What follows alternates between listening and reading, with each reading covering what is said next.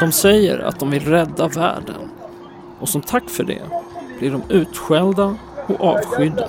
Jag gör rätt som flyttar på dem. De personerna som går ut och handgripligen flyttar folk från gatan som hindrar trafiken, de gör rätt. Trebarnspappan Pontus har sagt upp sig från jobbet som mellanchef för att vara aktivist på heltid. Dödshoten handlade om att de skulle köra över mig med bil eller leta upp mig på stan och slå ner mig. Och Tinas syskon har slutat prata med henne. Det här är fruktansvärt. Alltså på riktigt, jag utsätter mig, utsätter mig själv varje gång för livsfara.